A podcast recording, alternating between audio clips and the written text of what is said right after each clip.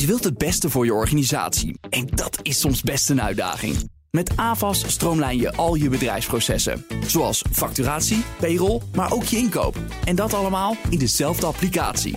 Zo weet je met één hoe je ervoor staat en hou je meer tijd over voor echt belangrijke zaken. AVAS Software, speciaal voor jouw organisatie. BNR Nieuwsradio. BNR breekt. Ivan Verrips. Hallo en welkom bij de perfecte onderbreking van je werkdag. Vanaf half twaalf praat ik over uh, verschillende onderwerpen uit het nieuws vandaag, zoals uh, abortus en de vijf dagen bedenktermijn die daar nu voor staat. Sommige partijen vinden dat die weg moet. En we gaan het hebben over de anonieme klachten aan het adres van Kadisha Ariep. En ook haar reactie daarop en het, uh, alles wat dat losgemaakt heeft. Zometeen vanaf half twaalf. In mijn panel vandaag Tommy Schoots, transgenderactivist, welkom. Hallo. En Harmen Krul, kandidaat Kamerlid, CDA, nummer 21. Je moet net zo enthousiast hallo zeggen als Tammy. Hallo. Oh, mag. Bijna overtuigd. Ja. Uh, we beginnen met het breekijzer. BNR breekt. Breekijzer. Ik vond het wel een goede poging hoor. Europa moet een vaccinatiepaspoort invoeren. Dat is ons breekijzer vandaag. Daar praten de EU-leiders vandaag over. Oostenrijk bijvoorbeeld wil dat er zo'n uh, paspoort komt... in de vorm van een uh, appje. Um, en ook alle, uh, veel Zuid-Europese landen willen dat... zodat het toerisme weer een beetje op gang komt. Maar niet alle lidstaten zien het zitten. Bijvoorbeeld vanwege privacy-aspecten. En dan is er ook altijd nog die vraag, is dat wel eerlijk? Want straks dan mogen alle gevaccineerden weer alles... en zitten de boomers als eerste weer lekker met hun camper in Duitsland... of aan de Costa en in de kroeg. En dan staan jongeren achteraan. Want voordat zij allemaal ingeënt zijn, dat kan nog wel even duren. Kortom, voor's en tegens. Maar mijn belangrijkste vraag is, wat vind jij? Reageer op ons uh, uh, breekijzer. Uh, Europa moet een vaccinatiepaspoort invoeren. Bel naar 020 468 4x0.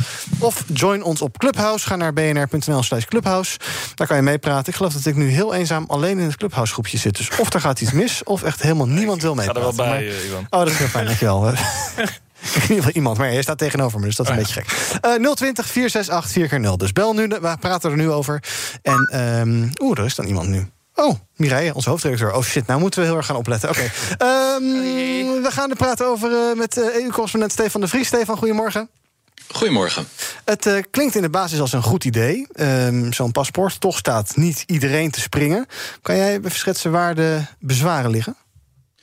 Nou, de bezwaren liggen onder andere bij het feit dat er, uh, ja, ten eerste moet er natuurlijk een, een, een uniforme uniform systeem komen. Dus dat een, een, bijvoorbeeld een app die iedereen kan gebruiken, die overal in Europa hetzelfde is, die goed beveiligd is. En er zijn ook zorgen natuurlijk over de privacy. Want wie kan die gegevens inzien? Uh, wie kan er bij je medische geschiedenis? En dan ten derde is nog het punt dat ja, als je een vaccinpaspoort uh, instelt, dan heb je eigenlijk een nieuw paspoort in Europa. En een van de pijlers van de Europese Unie is nu juist dat we zonder paspoort kunnen reizen. Dus je werpt een nieuwe grens op. Je, je komt eigenlijk aan het uh, vrij verkeer van personen. Ja. En daarmee kom je eigenlijk uh, aan het voortbestaan van de Europese Unie. Ja, want dat vrij verkeer van personen hebben we natuurlijk al. Maar toch is het geloof ik niet de bedoeling dat ik bijvoorbeeld nu al naar België of Duitsland ga. Hè? Nee, Nederlanders mogen sowieso niet reizen nee. tot uh, eind maart. Althans, dat is het uh, advies uh, van onze grote leider Mark Rutte. Um, in België kom je eigenlijk nauwelijks meer binnen. Duitsland heeft de grens al gesloten met de Tsjechië en Oostenrijk. En zo zijn er nog wat uh, grensgevallen, uh, letterlijk en figuurlijk. Mm. Waarbij het Schengen-verdrag, het verdrag dat natuurlijk het mogelijk maakt dat we reizen door Europa zonder paspoort. Waarbij dat verdrag enorm onder druk staat. Dus ja, er zijn al wat uh, landen die het niet zo nauw nemen. En er zijn ook al landen die een, een, een bewijs eisen of, of verlangen van het feit dat je gevaccineerd bent of niet. Dus een soort vaccinatiecertificaat. Dus ja. dan geen paspoort. Maar dat komt eigenlijk neer op wat Nederland ook doet. Dat je een test en een sneltest moet doen ja. als je het land in wil. Ja. Weet jij aan welke kant Nederland staat in deze discussie? Wat vindt ons kabinet? Ja, Nederland is uh, wat huiverig. Uh, is nog niet overtuigd van, uh, van het nut van zo'n vaccinatiepaspoort. ook omdat de vrees bestaat dat er natuurlijk een soort tweedeling bestaat, on, gaat ontstaan -hmm. in de maatschappij. Tussen zij die wel gevaccineerd zijn en zij die niet gevaccineerd zijn. Het komt eigenlijk ook een beetje neer op een vaccinverplichting. Want ja, de prijs voor niet vaccineren is in feite sociale isolatie. Want je kan er niet meer reizen. Maar je kunt je ook voorstellen, bijvoorbeeld bioscopen of cafés zo'n vaccinpaspoort gaan eisen. Ja. En ja, dat is eigenlijk dan een druk op mensen die niet willen vaccineren om toch wel te vaccineren. En dat ja, dat uh, heeft natuurlijk, staat op gespannen voet met de persoonlijke vrijheden. Ja. Ik ga zo een, blijf even hangen, Stefan. Ik ga zo een rondje bellers doen. Uh, Tijn, Frans en Kenneth via Clubhouse die hangen. En ook Anthony en Jury, die hoor je zo meteen. Eerst even een rondje in de studio. Jij kan ook reageren. Bel nu 020 468 4 keer 0 020 468 4 keer 0 Dan praat je zo meteen mee over ons breekijzer. Nederland, nee, Europa moet een vaccinatiepaspoort invoeren. Tommy, ik hoor van Stefan allemaal bezwaren. Ja. Uh, zie jij het zitten? Een paspoort waarmee je weer een beetje kan gaan reizen? Nee, en ik denk uh, dat er een fundamentele discussie is die we hierin vergeten. En dat is eentje van ongelijkheid. Als we kijken naar uh, de vaccinatiesnelheid. Hè, Duitsland, Frankrijk lopen ontzettend achter. Stond in de Financial Times laatst. En ook zei uh, Denker des Vaderlands Daan Rovers in Buitenhof afgelopen zondag. dat als wij zo doorgaan, dat we pas in juli 2023 allemaal gevaccineerd zijn. -hmm. Wat ga je nou krijgen hè, als die mensen, als we echt als overheid heel erg achterlopen? Nou, je zag een soortgelijke trend in India, hè, waar, waar ze ook ontzettend achterliepen. En de private sector is daar ingesprongen. En wat zo'n zo'n paspoort gaat doen, is dat die gaat het alleen maar versnellen. Dus mensen met een duit in het zakje, weet je wel, die rennen naar die private aanbieders, betalen de hoofdprijs en die mm zitten lekker van de zomer in Ibiza. Ja. Of gaat het dat de vaccinatiepaspoort Hugo de Jonge stimuleren om Nederlanders heel snel vol te prikken? Ja, nou, dat hopen we allemaal de hele tijd, maar het blijft maar achterlopen. Maar dat is wel een trend die je ziet gebeuren. En ik denk dat dat een, een discussie is die achterblijft. Hmm. Er zijn gewoon fundamentele discussies die eerst gevoerd moeten worden voordat we het over zo'n paspoort gaan hebben. Ja. Harmen, uh, jij wil denk ik ook vast wel een keer op vakantie. Je bent ook denk ik een jaar het land niet uit geweest ongeveer. Uh, nee, langer uh, denk ik ehm, inmiddels. Dus dan zou zo'n vaccinatiepaspoort goed kunnen helpen heb je met een soort groene stip van je bent gevaccineerd bewezen en uh, we kunnen weer gaan reizen. Nou, mogelijk, mogelijk. Ik zit er inderdaad wel iets anders in. Hè. Ik, als ik ga backpacken in Vietnam, dan moet ik ook bewijzen dat ik voor gele koorts ben uh, ingeënt. Anders kom ik het land ook niet in. Dus het is ook niet van, dit is ook niet, dit is niet nieuw. Mhm. um, en we zijn juist bezig met kijken hoe we in de toekomst weer dingen mogelijk kunnen maken. Want we zijn het er allemaal over eens. Heel veel sectoren krijgen gigantische klappen. Um, en we zoeken naar middelen om uiteindelijk weer wat verlichting te bieden. En dit kan een uitkomst zijn. Maar, en dat is dan een beetje de nuance. Ja, is het de beste oplossing? Dat weet ik eigenlijk niet. Um, als je het bijvoorbeeld hebt over bioscopen of restaurants, dat is namelijk de volgende stap. Ja, dat is een priva privaatrechtelijke aangelegenheid. Ja. Er zijn nu ook plekken in Amsterdam waar ik met mijn uh, spijkeroverhemd niet naar binnen wordt gelaten. We zeggen, ja, we hebben een dresscode bijvoorbeeld. Hè, of, uh, of mensen, dronken, dronken mensen komen niet meer binnen. Daar kan de overheid zich niet zo veel mee bemoeien. Maar wat de overheid wel kan doen en moet doen, is dan toetsen of uh, het middel het doel dient. En het middel, een vaccinatiepaspoort of een vaccinatiebewijs, dient dat echt het doel, we willen minder besmettingen? Mhm. Of zijn er alternatieven? Zoals ja. sneltesten of, of, andere vormen. En ik denk dat die discussie, die fundamentele discussie... dat die eerst gevoerd moet worden voordat we ineens overgaan naar... oh, oké. Okay. Het is eigenlijk veel te vroeg met dit. ja, het is, eigenlijk veel, het is eigenlijk veel te vroeg. Kijk, oh. de strategie van het vaccineren... Um, ik, ik, durf gewoon te zeggen, we wachten op de vaccins. Mm -hmm. Ik denk dat dat, eh, dat nu het grootste probleem is. We wachten op de leveranciers. Um, en dat deze discussies eigenlijk pas horen op het moment dat iedereen de kans heeft gehad ja. om gevaccineerd te zijn. Oké, okay, we gaan even een rondje bellers doen. Ik begin bij Anthony of Anthony. Goedemorgen. Ja, goedemorgen. Um, ja, ik ben het niet eens met de stelling. Um, ik denk dat je eerst moet gaan kijken naar de noodzaak voor vaccina vaccinatie. Mm -hmm. He, dus van, uh, we moeten natuurlijk de, de, groep ouderen beschermen, he, dat, dat staat even voorop. Maar je moet kijken naar, de, naar de, ja, hoe dodelijk is dat virus nou. Dus dat, dat is denk ik één. Van, uh, volgens mij is er helemaal geen uh, strikte noodzaak om iedereen te vaccineren. Okay. Nou, als je erover bent, dan moet je dat vrijwillig doen. Ja. En dan moet je inderdaad uh, zorgen dat je dus niet gaat discrimineren op uh, ja, wat voor reden dan ook. Hè. Dat, ja. bijvoorbeeld, ik hoorde net zeggen dat, dat er nog niet gevaccineerd wordt voorlopig. Hè, voor, voor de groep die dan veel minder risico loopt. Dus dat is één. Maar je moet ook kijken naar mensen die gewoon dat vaccin niet kunnen om gezondheidsredenen. Mm -hmm. dat, dat, is ook een grote groep, denk ik, waar we aan voorbij gaan. Ja, mensen die ziek zijn en voor wie het mogelijk nadelige gevolgen heeft. Ja, precies. Plus die, die dus juist risico lopen als ze gevaccineerd worden. Nou, dan uh, is er nog een andere reden, is dat, um, dat je moet kijken naar um, uh, ja, wanneer ga je dat doen. Hè? Uh, 98% heeft gewoon geen last van het virus. Hè? Dus je moet alleen maar kijken naar de groep die het echt, uh, echt nodig zou hebben. Dat je de afweging maakt tussen het risico dat je komt te overlijden aan het, uh, aan het virus versus de risico van eventuele bijwerkingen. Want daar wordt ook niet over gesproken. Nee, duidelijk. Dankjewel voor het bellen, Anthony. Juri, goedemorgen. Goedemorgen. Zeg het maar. Ja, ik ben ook tegen uh, vaccinatiepaspoort. Vaccineren moet zijn op basis van uh, vrijwillige basis. En uh, zo zeggen, dat coronavirus is een zware griep. Oh ja. Het gaat mij niet om besmettingen. Ja, deze discussie gaan we niet voeren. Maar jij vindt inderdaad... Ja, ik snap het. Dankjewel voor het bellen, Juri. Uh, zometeen nog drie sprekers via Clubhouse. Die hangen al, die ga ik zo aan het woord laten. Eerst nog even Sergio of Sergio, goedemorgen. Hey, goedemorgen, man. Zeg het maar. Oh ja, nee, ik ben er ook op tegen. Ja, waarom? Uh, ik hoorde dat meisje je al op mijn tegenspreker voor zeggen over ongelijkheid. Mm -hmm.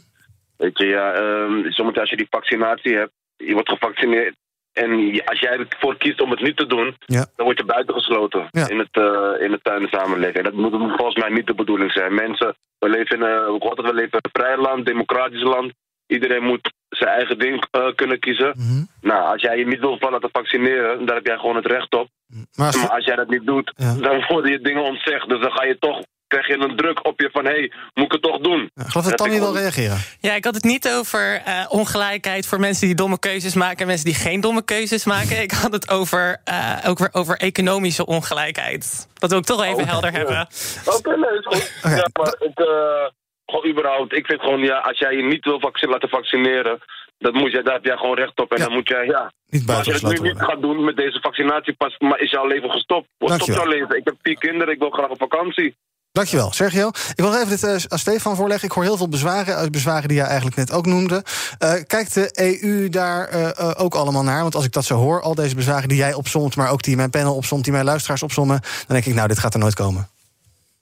Nou, ik, uh, ik, ik, denk dat het er wel gaat komen. Oh. Uh, kijk, het zal een uh, ontzettende harde discussie worden vandaag en morgen in Brussel. Althans online, want iedereen is virtueel aanwezig. Maar inmiddels zijn al elf landen of twaalf landen zijn voorstander van zo'n soort gelijk paspoort. En kijk, Griekenland, die kwam uiteindelijk in eerste instantie met het idee, hebben al een proef opgezet met Israël. Dus mensen met een soort vaccinatiepaspoort kunnen nu vrij reizen tussen Israël en Griekenland. Mhm. Um, dus die proef is gaande. En zoals het zo vaak gaat in Europa, als bepaalde lidstaten iets willen en Brussel is een beetje te langzaam, dan zetten ze het vaak zelf op. Nee. En ja, op een gegeven moment, als, als Griekenland de grenzen sluit voor Nederlanders zonder vaccinatie, dan is het heel moeilijk voor de Europese Commissie om daar tegen op te treden. Dus ik vermoed dat het uiteindelijk wel zal komen. Het wordt waarschijnlijk een soort app. Mhm. En we moeten niet vergeten, natuurlijk, de RIVM en de GGD's, die houden nu ook al bij in een centraal register wie er gevaccineerd is en wie niet. Nou, we weten allemaal hoe goed de GGD hun bestanden kan beveiligen. Uh, dus het is heel goed mogelijk dat binnenkort uh, ja, ook een, een, een, initiatief ontstaat om de Nederlandse uh, gevaccineerden al in een systeem te stoppen. En dat dan te gebruiken voor allerlei ja, toegangscontroles ja. bij, bij stadions bijvoorbeeld. Dus ik vermoed, ondanks alle bezwaren die er bij heel veel lidstaten ook leven, dat we deze zomer in ieder geval, of misschien vlak na de zomer, zo'n soort paspoort krijgen. Um, maar dat we vrij kunnen reizen door Europa. Ja, zolang corona er nog is, denk ik dat dat uh, een illusie is. Stefan de Vries, dankjewel. Ik ga een paar sprekers via Clubhouse aan het woord laten. Tijn, goedemorgen. Goedemorgen, ja. Ik vind het een interessante discussie, maar ik, denk, ik denk dat, uh, dat je eigenlijk de vraag moet, uh, moet stellen aan de, aan de luisteraars in een discussie: dat, uh, wat zou de reden zijn om je niet te laten vaccineren? Mm -hmm. Ja, dat is op zich een hele interessante discussie, die wil ik ook wel aangaan. Maar we gaan het vandaag even, specifiek hebben over dat vaccinatiepaspoort. Anders dan voeren we drie discussies tegelijk. Um, Frans, goedemorgen. Ja, goedemorgen.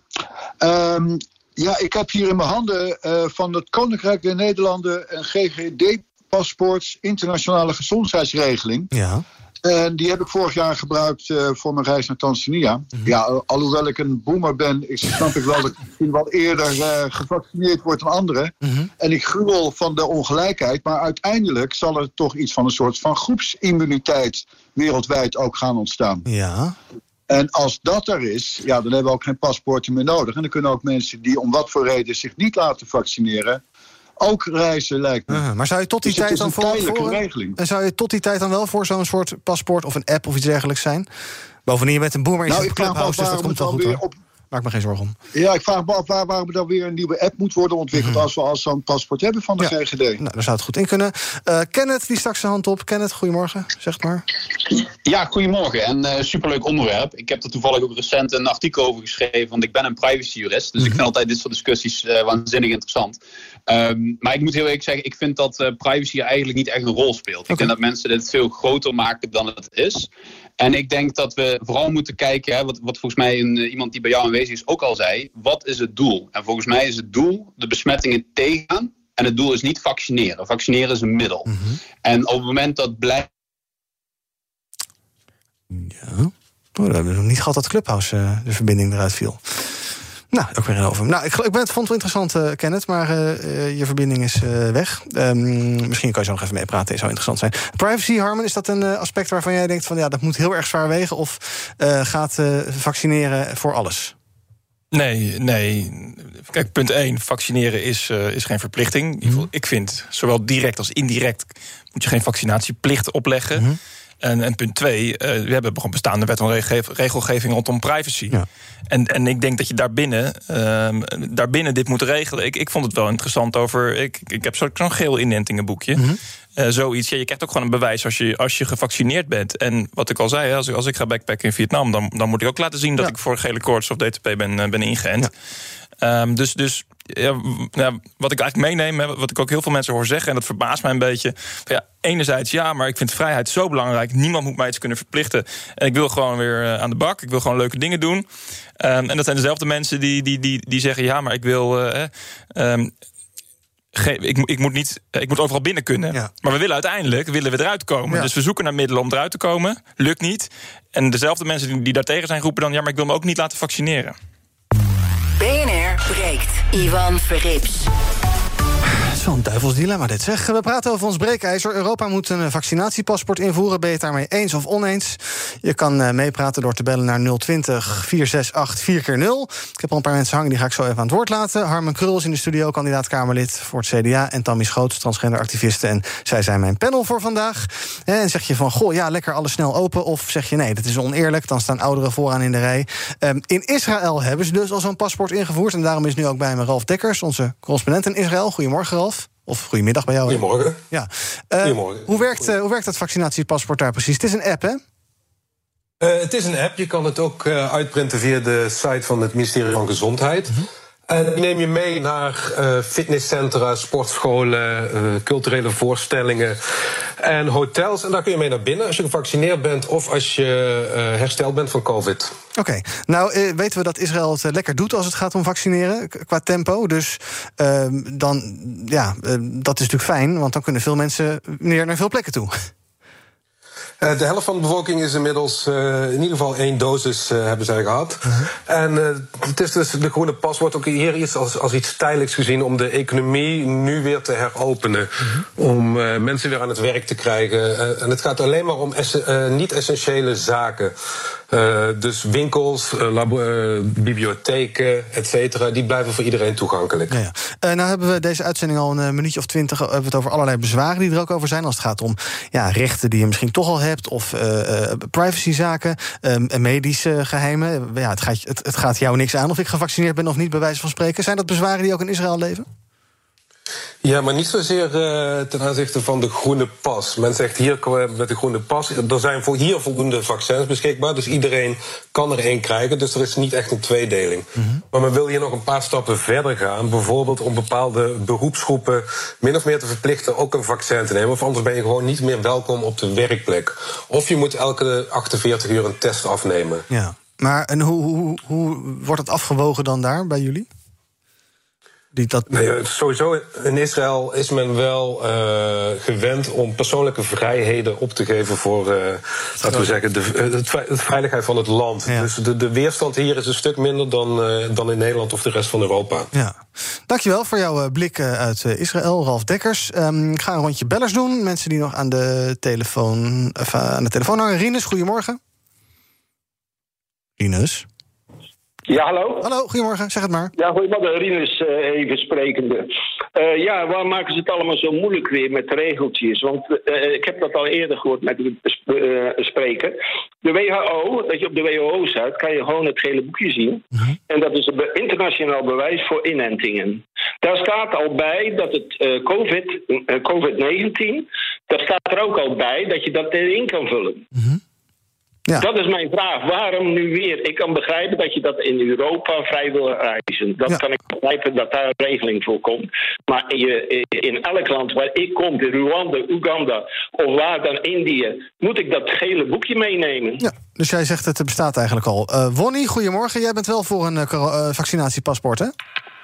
Ja. Waarom? Nou, ook net als wat mijn voorganger zegt, eh, vaccinatie, eh, dat neem je gewoon mee als je naar een trop- tropisch land gaat. En dan niemand maakt daar een probleem over. We willen allemaal naar, terug naar het nieuwe normaal. En dan komt de vaccinatiepaspoort. Dan gaan we weer allemaal discussies voeren van wel of niet. En zo houden we het langer dicht, Ja. ons land dicht. Weet je, Zijn we dan een beetje te, te- zijn we een beetje te gevoelig geworden met, met, met z'n allen hier? Ja. Nou ja, het gaat altijd om de vrijheid en eh, altijd om eh, privacy. Ik denk, ja, het is nu pandemie. weet je, mensen gaan hier aan dood. Dit is een noodsituatie. Nood breekt wet, toch? Ja, en eh, precies wat eh, Harman ook al zei... als je op vakantie gaat naar een land waarvoor je ingeënt moet worden... dan neem je al je vaccinaties en het bewijs daarvan mee. Dus waarom maken we daar zoveel fus over? Mag ik daarop inbreken? Ja. Want ik vind die vergelijking echt super laconiek. Want het gaat echt wel ergens anders over. Hè? We hadden het net over vrij verkeer van personen, Mhm. goederen. Dat is echt iets waar wij groot mee zijn geworden. En aan de bellers, aan meneer Krul, merk ik gewoon nu dat we dat voor lief nemen. Zeg maar, als we weer paspoorten gaan invoeren, dan is die stap verder groot. En kijk, en ik ben geen anti-corona-wappie, laat ik dat even heel helder hebben. Maar ik denk dat het belangrijk is om ook te zien dat deze crisis blijvende gevolgen gaat hebben. Dit is niet alsof we naar Thailand gaan en daar even een geel boekje laten zien. Dit gaat over waar Europa op gebouwd is. Hè? Dat we vrij heen en weer kunnen Je reizen. bent hè? laconiek, eh, Harman? Ja. Nee, nee, ja, ik, ik, ik, toen Stefan zei, ja, het is eigenlijk het einde van de Europese droom, eh, daar kwam het een beetje op neer. Maar ik denk, Ja. ja, nou, ik, ik, vind dat, ik vind dat echt wel meevallen. Eh, de COVID heeft niemand voor gekozen. Het gaat ook niet meer weg. Het Mhm. gaat ook gewoon niet meer weg. Ehm, en deze vaccinatie zal langzaam tot een nieuwe normaal moeten behoren. En zo creëer je die groepsimmuniteit. Maar het is niet iets waar we voor gekozen hebben. En we kunnen het ook niet wegdenken. Het enige wat we kunnen doen is maatregelen nemen die ervoor zorgen dat we weer sneller Ja, maar dit is ook deels, situatie ook deels grondrechten daarmee eh, aantasten, een beetje opheffen. Ja, ja. Ja, en als COVID niet weggaat, gaat die paspoortplicht gaat die dan ook niet weg. Weet je wel, daar moet je over nadenken. Nou ja, op een gegeven moment zal die, dat R-getal zo laag zijn dat het niet meer nodig is. Daar hopen we. Dat hebben we ook verschillende bellers horen zeggen. Hè, van, eh, in Israël ook. Dat is tijdelijk. Ehm, maar ik denk echt dat, dat we op de lange termijn. Ehm, eh, Zo'n vaccinatie, of nou een app is of een paspoortje. eh, dat dat niet per se betekent dat er geen vrij verkeer van personen meer kan zijn. We moeten bidden dus. Bidden dat het goed afloopt. Nee, nou, nee, ik zou, je kan altijd bidden dat het goed afloopt. Daar is niks mis mee. nee, maar zo zie, ik, zo zie ik het echt niet. Ja, nee, oké, nee, duidelijk. Het is een, we hoeven het ook niet eens te worden, dat geeft helemaal niet. Eh, we hebben nog eh, een paar bellers tot slot. Nico, goedemorgen. Ja, hi, goedemorgen. Zeg het maar. Nou, eh, ik, ik, ik vind eigenlijk dat de overheden gewoon moeten faciliteren in plaats van debatteren. En dan aan de individuele personen overlaten of ze het paspoort wel of niet willen aannemen. En daar zullen consequenties bij zitten. Ja, duidelijk, dankjewel. Ehm Gerrit, oh, ja, wil je op reageren? Nou, kijk, want nu komen we weer. Ja. Dit zijn dus wel dezelfde personen dat als ze straks voor een restaurant staan, ze willen dat- ze naar binnen willen. Mhm. En dan zeg ik, ja, maar daar gaat de overheid dus ook niet over. Dit is namelijk iets tussen jou en deze, dit, dit restaurant. Een privaatrechtelijke aangelegenheid tussen één burger en de ander. En daar gaat de overheid ook niet over. En dan is het ineens van, oh, maar dan moet de overheid ervoor zorgen dat, de, dat de deur hier open gaat. Hm. Want mijn vrijheid. Ja, het is ook de vrijheid van zo'n restauranteigenaar om te zeggen, ja, je komt er niet in. Pff, Ingewikkeld. Zeg, Gerard, goedemorgen. Goedemorgen. Zeg het maar. Ja, ik heb een opmerking. Eh, Je kan je eigen nu laten vaccineren natuurlijk tegen COVID-19 van volgend jaar. Maar dat is al drie keer gemuteerd. Dat paspoort gaat niet helpen. Maar dan kan je eigenlijk ieder jaar laten vaccineren. Dat werkt gewoon niet, dat Nou ja, systeem. Misschien gaan we ons ook wel ieder jaar laten vaccineren. Maar tot die tijd dat- dat, dat veel mensen gevaccineerd zijn... en we een soort, soort van groepsimmuniteit-achtig iets hebben... Is het, eh, is, het, is het een goed idee of niet wat jou betreft, zo'n paspoort? Nee, Nee, duidelijk. Voor Dankjewel. Dankjewel. Duidelijk. En eh, tot slot in deze uitzending praten we met eh, Jaap. Goedemorgen. Goedemorgen. Zeg het maar. Eh, wat ik nog mis in deze eh, eh, discussie is de tussenoplossing van de mensen die weigeren te vaccineren, waar ik ook best begrip voor kan hebben, Mhm. ehm, toe te laten bij de eh, publieke eh, evenementen, eh, vliegreizen, noem het allemaal op, door een recentelijke negatieve uitslag op een eh, coronatest. Ja, ja, dus dat het een soort alternatief is eh, als je nog niet gevaccineerd bent. Misschien zelfs wel een beter alternatief. Want daar hebben we het niet over gehad. Heb je geen paspoort, eh, dan heb je de gelegenheid om eh, naar je feestje te gaan op het moment dat je eh, een negatieve uitslag hebt. Ik zie Tammy nee schudden, maar dat ga ik zo nog even aan de vragen. Dan sluiten we af, omdat Clubhouse zo leuk is met Remco. Remco, zeg het maar. Hoi, ehm, ja, ik zou wel voor een vaccinatiepaspoort zijn. ehm, boven 50 plussers bijvoorbeeld. Voor, ah ja, voor kwetsbare mensen dus vooral. Ja, precies. En voor jongeren daar is dat dan niet nodig, want ja, die worden doorgaans toch niet zo ziek ervan. Ja, zoiets. Ik denk dat dat wel een mooie middenoplossing is. Die eh, iedereen wel eh, ja, voor goed voor is. Nou, we geven het mee aan de, eh, de leiders in eh, Brussel. Dankjewel, eh, Remco, ook voor het reageren. Ja, ze luisteren. Jij lacht, waarom lach je nou? Nou, ik, nee, ze zitten nu allemaal in Brussel te wachten Te tot, tot. BNR breekt. Als klaar uiteindelijk. zijn, dan gaan ze Ja. verschijnen. Jij wil nog even reageren over die testbewijzen, Tammy? Dan gaan we... Ja, ik ben het daar gewoon niet mee eens. Dat is veel te simplistisch. Want hè, je kan natuurlijk ook negatief getest worden... en dan nog alsnog mensen besmetten omdat het niet zichtbaar is. Er zijn allerlei kanttekeningen. Het is ontzettend, ontzettend duur. Eh, dus ik vind dat... ik vind- we moeten ons gewoon allemaal laten vaccineren. Prikken, prikken, prikken. Duidelijk, dankjewel. Ehm, tot zover het breekijzer voor nu. Zometeen praat ik verder met Harmen en Tammy. Dan gaan we het hebben over eh, de vijf dagen bedenktermijn bij een abortus. Weer een totaal ander onderwerp. De anonieme klachten aan het adres van Kamervoorzitter Khadija Ariep. En een gezellig feestje in het Vondelpark gisteren. Tot zometeen. BNR Nieuwsradio. BNR breekt. Ivan Verrips. Welkom terug. Vandaag in mijn panel Tammy Schoots, transgenderactivist... en Harmen Krul, kandidaat Kamerlid voor het CDA. We gaan het hebben over een eh, serieus onderwerp. De Tweede Kamer die stemt vandaag over de verplichte vijf dagen bedenktijd... voor vrouwen die een abortus ondergaan. Meerdere partijen, zoals D66 en GroenLinks, die willen van die bedenktijd af. Maar de christelijke partijen zijn tegen dat wetsvoorstel. En het is van GroenLinks en PvdA het voorstel. Ehm, we gaan het hebben over abortus dus. Harmen, als ik kijk op jullie website, dan eh, zie ik dat jullie zijn voor het behoud van die vijf dagen bedenktermijn. Waarom? Oeh, nou, eerst wil ik hier een paar dingen over zeggen. want Ik vind het echt een heel eh, lastig thema. Eh, ik heb zelf altijd een beetje een hekel als ik, eh, als ik over dit soort onderwerpen hoor. En dan, is, dan ja, ga ik nu hier zeggen hoe vrouwen hierin zou moeten handelen. Terwijl ik vind dat het en mijn plek niet is. Eh, want dat is denk ik echt een individuele aangelegenheid. En mannen zouden zich daar niet op deze manier van deze plek mee moeten bemoeien. Ehm, de vijf dagen bedenktijd. Ja, het is een keuze die kan je één keer maken. Eh, er zijn ook voorbeelden van mensen, van vrouwen die spijt hebben gehad. Ehm, we moeten ons niet bemoeien met de keuze, vind ik. Hè? Dus het is echt. Die, die, die afweging is altijd aan de individu, aan de vrouw. Eh, maar met die vijf dagen bedenktijd en de tijd om, om voor voorlichting kan je misschien voorkomen dat mensen spijt hebben. Want je kan, niet, je kan de keuze maar één keer maken. En dat is de, de, nou ja, de achterliggende gedachte waar ik, waar ik me wel in kan vinden. Maar ik vind dit onderwerp echt, echt heel ingewikkeld. Ja, misschien ook wel te ingewikkeld om in een paar minuutjes te bespreken. Ja, ik weet ook niet of dit de plek is. En, en ik ben zeker niet de persoon om, eh, om hier nu iets, iets van te gaan vinden. Want laten we dat alsjeblieft eh, houden bij, bij degenen die ermee te maken hebben. En, en eh, dat is al verschrikkelijk genoeg. Maar ik ben dus wel voor het beschermen van mensen. Ja, logisch. Maar die vijf dagen zou dat kunnen bieden. Tammy, er wordt ook gezegd... ja, die andere partijen die zeggen juist... Hè, die bedenktermijn moet weg. Als je als vrouw voor een abortus komt... dan heb je daar natuurlijk echt wel over nagedacht. Ehm, hoe weegt dit voor jou eh, af, die eh, bedenktermijn? Nou, laten we het eerst over hebben wanneer die bede- bedenktermijn ingaat. Mhm. De, je hebt zoiets als de overtijdsbehandeling en dat is zes weken. En in die zes weken geldt het eigenlijk nog niet. Dan hoef je niet vijf dagen te wachten. Dus iemand is al vrij laat, eh, redelijk laat zwanger. Hè? Dus iemand heeft al tijd gehad om erover na te denken. Ehm, dat is echt wel belangrijk om hier ook te zeggen. Wat ik vind dat die vijf dagen. uh, doen is wat impliceert het? Het impliceert dat de persoon eigenlijk geen beslissing kan maken. Ga jij maar in een hoekje staan. ga denk jij er nog maar eens even over na. Ja, ga jij er nog maar even over nadenken. Super denigerend. Er zijn eigenlijk ook geen goede onderzoeken gedaan voor en na. Hè, van hoeveel mensen hebben nou spijt en wat is het effect van die maatregel. Dus ik heb. eh, in Amerika zijn er veel meer onderzoeken. Hebben ze een soortgelijke maatregel in Wisconsin gedaan. Eh, en een heel onderzoek in 2013. 93% heeft eh, veranderd niet van mening, zowel voor als na eh, die maatregel. Dus het is ook helemaal geen goede maatregel. Maar wat ik dan denk. 7% wel. 7% wel. En dat is wel wat. En wat ik wel vind is, ja, waarom ga je dan op zo'n vijf dagen maatregel zitten? Maar waarom worden de psychologische hulp wegbezuinigd? Hoe vaak je je dokter mag zien? En het is ook een kwestie van er naartoe komen. Dit zijn jonge meiden die met het OV moeten komen. Nou, dat kan hè, voor 50 euro is misschien voor iemand midden 20 niet superveel. Nou, Nou. voor mij wel. Eh, maar voor iemand van 16 al helemaal, die de OV moet gaan betalen en zo. En dat zijn allemaal verhinderingen. Je wordt gek hè? Vijf dagen, Mhm. met wie moet je erover praten? Ik zeg, zet gewoon in op die, eh, op die zorg. Ga die Ja. zorg verbeteren, psychologische hulp. En schaf dit af, want dit is gewoon echt, eh, echt onzin. Ja, laten we even luisteren naar eh, een, kan part- een persoon. Nee, ik ga het gewoon neutraal zeggen. Laten we even luisteren naar Kees van der Staaij van de SGP.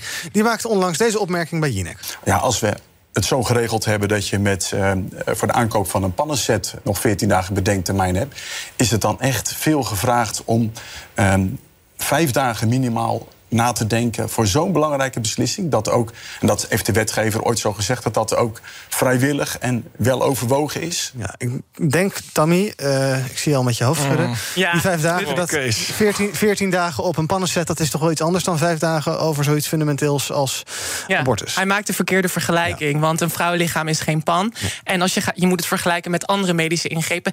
Er is geen enkele medische ingreep waarbij je gedwongen wordt om na te denken. Zeg maar, dat is idioot. Dus ik snap ook gewoon niet zo goed eh, waar, ja, waar, hij deze, waar hij dit van, vandaan haalt. En ik hoop echt dat meneer Krul, als hij de Kamer inkomt, dat CDA misschien eh, wat, wat positiever kan laten staan tegenover abortus. Wat hij zegt is heel goed. Individuele afweging. Ik hoop dat hij dat meeneemt, het CDA. in. kan eh, volgende maand op hem stemmen. Zeker niet. Ja, Sorry. dat kan dus wel. Jouw minister, minister De Jonge, die heeft al gezegd dat hij hier eigenlijk hoe dan ook niks mee gaat doen. Want we zitten vlak voor de verkiezingen. Het is, zoals wij hier ook eh, erkennen, een eh, ingewikkeld en eh, ja, zwaar onderwerp.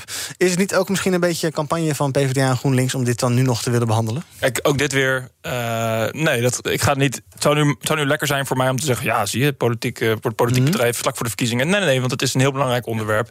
Dus dat ga ik niet zeggen. Ik denk, ja, misschien grappig, hè. Zit er tegenover iemand die er een heel sterke mening over hebt. Eh, Ik denk dat die verschillen helemaal niet zo groot zijn, want ik ben het met Tammy eens. Het is en, en, en, en. Die preventie, die, is, die zorg, die moet gewoon beter. Die moet zoveel beter. Ehm, en dan kan je al zoveel problemen mee voorkomen. Waar ik het niet mee eens ben, is dat dan misschien leuk voor de discussie. Ik vind 7% wel heel veel.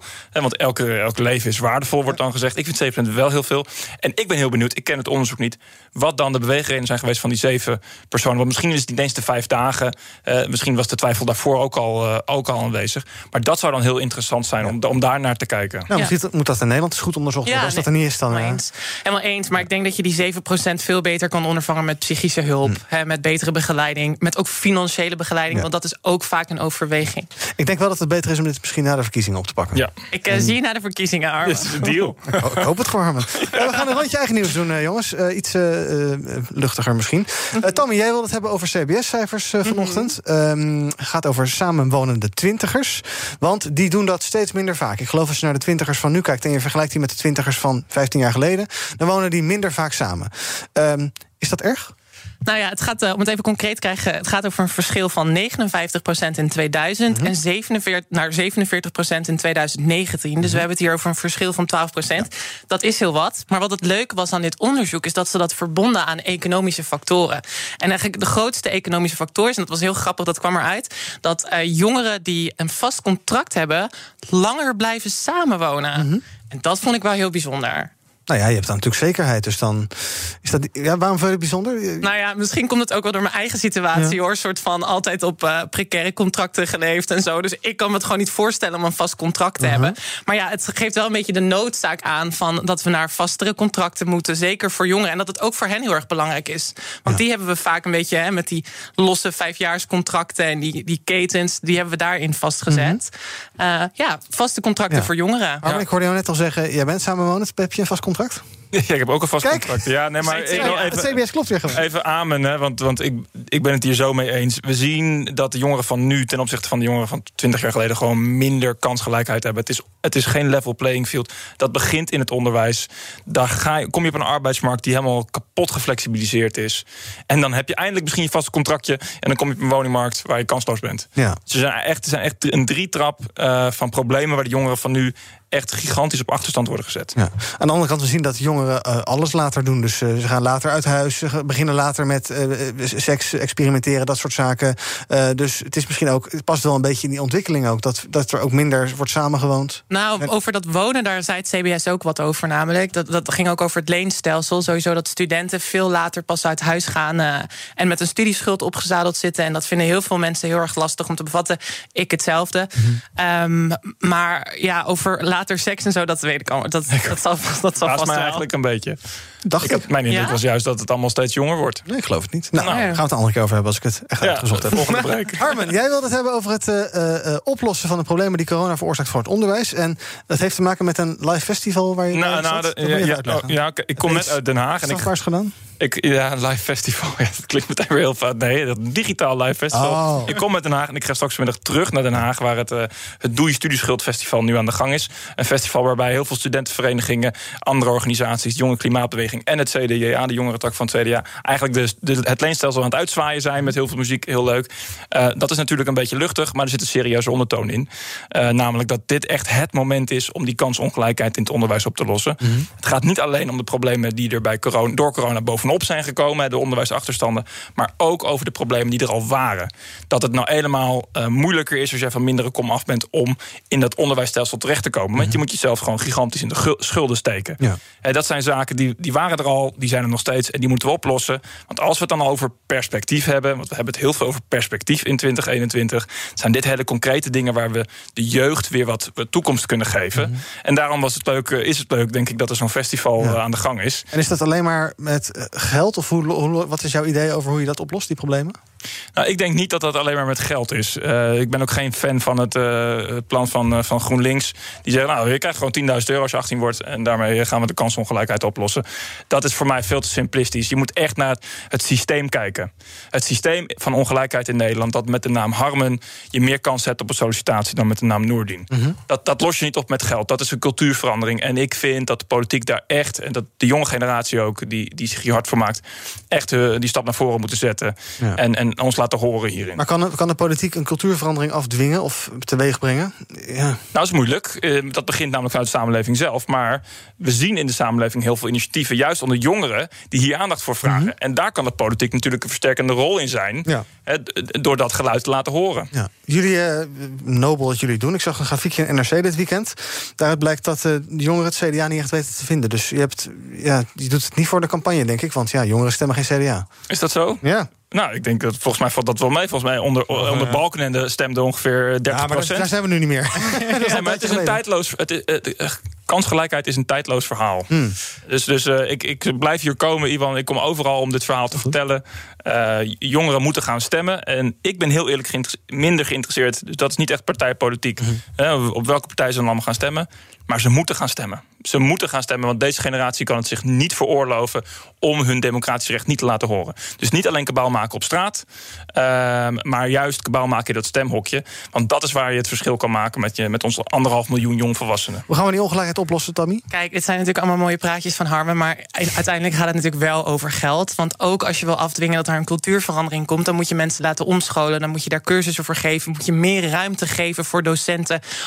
en voor Het probleem in het onderwijs is gewoon dat er zo weinig geld naar docenten gaat. En mezelf ook, hè, constant allemaal vakken krimpen in. Ik heb vakken waar ik één uur per, per, per week op Zoom moet verschijnen, weet je wel. En dan vervolgens, eh, ja, dit is je vak, daar haal je dan 6 EC voor. Dus het gaat over geld, het gaat over faciliteiten. Dus het zijn mooie praatjes, maar het klopt niet. in een pandemie. Dat is gewoon gevaarlijk. Dat ondermijnt de bereidheid om je te willen laten vaccineren. En daarmee is dat een ondermijning van de volksgezondheid. Ja, Van Haga die had eh, eh, uitspraken over eh, de coronavaccins... en dat die mogelijk gevaarlijk zouden zijn. Hij verwees ook naar cijfers van het LAREP. Mensen die overleden zijn na een vaccin. Eh, minister De Jonge, minister van jouw partij, Harmen... is dat de goede manier om eh Wiebren van Haga... Ja, je merkt dat dit de jongen raakt, dit soort opmerkingen... om hem op zo'n manier nou ja, kal te stellen... of in ieder geval aan de kant te Nou zetten. ja, het, het raakt Hugo de Jonge, omdat Hugo de Jonge elke dag geconfronteerd wordt met de ernst van de situatie. Mhm. Eh, die is elke dag op stap, die is op pad, die ziet, die ziet hoe erg het is. En ik erger me echt kapot aan, eh, aan de knip- en plakcultuur van, eh, van, van, van deze partijen... die inderdaad gewoon nepnieuws verspreiden in het parlement. Daar een heel klein fragmentje van maken. En een hele grote groep mensen in Nederland vervolgens verder die, angst, die angsttunnel induwt. Het is, echt heel, het, is, het is echt gevaarlijk als je gewoon liegt over, over cijfers en feiten. Eh, je hebt een voorbeeldfunctie als volksvertegenwoordiger. Mensen luisteren naar jou, naar jouw woorden tellen. Ja. Want het is altijd het voorloper van het handelen. En dan gaat er iets mis. Of mensen inderdaad. eh, en dan is ja, maar zo is het niet goed geïnterpreteerd. Ik vind het heel goed dat Hugo de Jonge in dit debat eh, een keer zei waar het op staat. Ja, en hij reageert dan toch, eh, je hoort dat, hij, dat het hem emotioneert, dit Ja. soort opmerkingen. Dat is ook goed. Je denkt niet van hij moet dan toch maar kalm blijven en toch maar weer uitleggen hoe het dan echt zit. En dat is dan misschien wat minder, minder spannend om te zien. Nee. Maar hij mag ook wel eens een keer eh, laten horen wat hij er echt van vindt. Nee hoor, Hugo de Jonge is geen monnik. Hugo de Jonge is een, is een mi- een minister. En ik vind het best goed dat hij af en toe een menselijke kant laat zien. Nou, eens kijken of Tammy iets positiefs over het CDA weet te zeggen. Eh, Hugo de Jonge, pakt hij het goed aan? Nou, je zet me wel voor het blok, Johan. Nee hoor, ik, eh, dat is wel mijn beeld. Nee, maar ik denk dat we wel zo'n wieberen van Haga. Kijk, het probleem met het beleid van de overheid is natuurlijk dat het maar heel eenzijdig is. Hè. Gaat allemaal op hele platte medische feiten. En waar, wat we daar gewoon missen is hè, het sociologische aspect, allerlei andere expertises. En ik ben niet de enige die, die dat zegt. De Wetenschappelijke Raad voor het Regeringsbeleid zei ook: we hebben meer experts nodig. Bijvoorbeeld zo'n socioloog. Want eigenlijk moet je zo'n wieberen van Haga interpreteren als een soort paniek. Paniek die bij heel veel mensen leeft. En dat is waarom hij het ook zo goed doet. Kijk, wat hij zegt is natuurlijk onzin. Maar dat gevoel moet je serieus nemen. En dat is iets wat deze regering en zeker meneer Pragmatisme, eh, Hugo de Jonge, niet, niet meenemen. Hm. Hoe vind je dat je dat gevoel... Want het, het, het staat ergens voor, hè? daar stemmen mensen op die partij... dus er zijn mensen die herkennen zich Van Hagen. Eh, hoe moet je dat gevoel eh, adresseren, eh, Harmen? Nou, counteren? Je hoeft het niet te counteren. Je moet het juist niet counteren. Je moet het op een goede manier uitleggen. En ik ben het wel met Tammy eens. Die zegt van ja, we hebben te eendimensionaal gekeken naar deze crisis. Te lang. Het is inderdaad, het, het, het OMT heeft het vanuit een eendimensionale benadering, namelijk die medische platte feiten. Hoe komen we medisch uit deze crisis? En de aandacht voor zoveel nevenschade, als het ware. eh, ik ben geen socioloog, maar je ziet gewoon wat het doet met, met, met jongeren, met andere generaties. Daar is te lang te weinig aandacht voor geweest. Ehm, maar dat is geen vrijbrief. Dat is nooit een vrijbrief om vervolgens leugens te verspreiden. Omdat je weet dat het gevoel er is. Je wil er een bepaald effect mee bereiken, namelijk stemmen of aandacht. Dus je gaat het aanwakkeren met, met nepfeiten. Dat is nooit de oplossing. Nee. Je hoorde daar net even al tussendoor. eh, deze vrouw. Ik open de vergadering van de Tweede Kamer der Staten-Generaal. Dat is Khadija Ariep, voorzitter van die eh, Tweede Kamer. Die wil, eh, geloof ik, nog wel een tijdje door, een termijn door. Er is eh, best wel wat onrust over een artikel dat gistermiddag verscheen bij RTL Nieuws. In dat artikel wordt Ariep door mm, anonieme bronnen nou, behoorlijk slecht nieuws gezet, neergezet. Ze zou zich te veel bemoeien met zaken zoals de renovatie van het Binnenhof. Ze zou manipulatief en leugenachtig zijn. Alleen, er is één probleem. Het zijn dus allemaal anonieme sprekers. Ze hebben heel veel mensen gesproken bij RTL, maar allemaal anoniem dus. Op sociale media regent het bijval voor Ariep. Want veel mensen vinden die anonieme critici laf. Hè, spreek je dan gewoon uit. eh, als, je, als je er iets mis mee vindt, eh, zeg het dan gewoon. Waarom moet het anoniem? Ehm, en er is dus ook veel kritiek op RTL weer. Van ja, dit stuk, eh, misschien is het helemaal niet zo'n best stuk. Want eh, ja, met allemaal anonieme bronnen, wat moeten we hiermee? Je beschadigt nu één persoon. Ehm Tammy, ben jij fan van Khadija Ariep? Nou, ik, ik heb altijd een soort. Ik weet niet, ik ben altijd. Ik, hou- ik wil heel graag van de P van de A houden, maar ze doen het altijd verkeerd. Wat ik gewoon van deze situatie vind: dit is gewoon een politieke aanval. RTL is gewoon een privaat bedrijf die hier de Partij van de Arbeid gewoon helemaal kapot zit te maken. hè. Een van de laatste bakenen. Nee, ze hebben heel veel bronnen gesproken en die ja, hebben heel veel kritiek op bronnen. Ja, maar ik vind het al een beetje bijzonder dat de journalistieke standaarden opschuiven naarmate we zeg maar richting de verkiezingen gaan. Ik vind het gewoon een politieke aanval. En ik zou gewoon graag willen horen wie dat zijn en gewoon een- dat er een echt gesprek komt. Ja, maar dat is het idee natuurlijk van anonieme bronnen, dat je dat niet weet. Maar waarom moet het dan nu gepubliceerd worden? Weet je, waarom niet? Omdat hè, zij nu voor- door wil. Dat speelde een jaar geleden niet. Toen Ja, maar misschien moet je dat dan net voordat ze herverkozen wordt of na Mhm. de verkiezingen doen. Want dit is natuurlijk ook gewoon een aanval op de Partij van de Arbeid. Ja, nee, natuurlijk dat je er invloed mee uit wil oefenen met zo'n artikel, dat is duidelijk. Eh, er zijn allerlei Kamerleden ook die zich daarover uiten. Bijvoorbeeld eh, Pieter Omtzigt, die schreef... kritiek mag, maar dan openbaar. Want anoniem zeggen dat iemand achterbaks is, dat is achterbaks. En Renske Leijten die vindt ook dat het eh, heel kwalijk is... om Ariep zo weg te zetten. Dat heeft een doel. En door anonimiteit weten we niet welke belangen er spelen. Ik ben blij met een voorzitter die voor de Kamer opkomt. Dat is wel eens anders geweest. Zoals van Miltenburg. Echt een ramp. Zo, Leijten steekt nog even mevrouw van Miltenburg een mes eh, in de rug. Ehm eh, Harmen, heb jij er ook moeite mee dat dit eh, allemaal anonieme Ja. klachten zijn? Ja, ik- maar, maar media op RTL Nieuws, dat, dat, is, dat is toch een serieus te nemen medium. Als de, het is geloof ik de chef van de politieke redactie die het geschreven heeft. Als die al die mensen gesproken heeft, dan kunnen we dan niks meer met anonieme bronnen? Moet je dan... Jawel, jawel je, je kan zeker wat met anonieme bronnen. Maar ik denk wel dat je in het grotere verhaal. dat dat, je, ja, dat het wel heel vaag wordt als je met zoveel anonieme bronnen staat. Ik heb een beetje het beeld van er staat iemand in een parkeergarage... een beetje mensen aan te spreken of ze, nog wat, of ze wat nog wat naars over Khadija Ariep willen vertellen. zo'n regenjas. Met zo'n regenjas. Ja. Heb je nog iets over Ariep? Nee, ik, Gleufvoet. ja, Ik, vind het, ik vind het inderdaad ook eh, een van de mindere leuke dingen van verkiezingen. hè, dit soort stukken. Ja. Ja. Eh, zou je het wel zien zitten nog, eh, mocht je in de Kamer komen... om eh, vier jaar door te gaan met Nou, Of heeft het CDA nog een mooie kandidaat klaarstaan? nou, kijk, ik. Als jongere, als politieke junkie, eh, ben ik zo iemand die dan voor zijn lol de hele dag naar eh, NPO Politiek zit te kijken. Oh. Eh, ja, dat, is dat, dat behoort er een beetje bij. En vanuit die hoedanigheid vind ik Arie altijd wel een hele goede Kamervoorzitter. Maar als persoon, ik ken elkaar natuurlijk helemaal niet. Maar als Kamervoorzitter denk ik, ja, ik vind eh, dat ze dat goed doet. Jij zou wel onder haar leiding nog een tijdje door willen. Eh, we gaan het nog heel even kort hebben over dat Vondelpark. Daar was het namelijk ouderwets gezellig. Gezellig, druk. Weer zin in een festival. Jongeren grepen het mooie weer aan om naar buiten te gaan... en stonden dus in dat eh, park, maar daar werd het wel heel erg gezellig. Minister, of minister burgemeester Halsema was er minder blij mee. Eh, het eh, werd er te druk, het park moest worden leeggeveegd. Ehm, begrijpelijk, ja, begrijpelijk dat iedereen de buitenlucht op zoek... want het was ook heerlijk weer bovendien en eh, we willen allemaal eruit.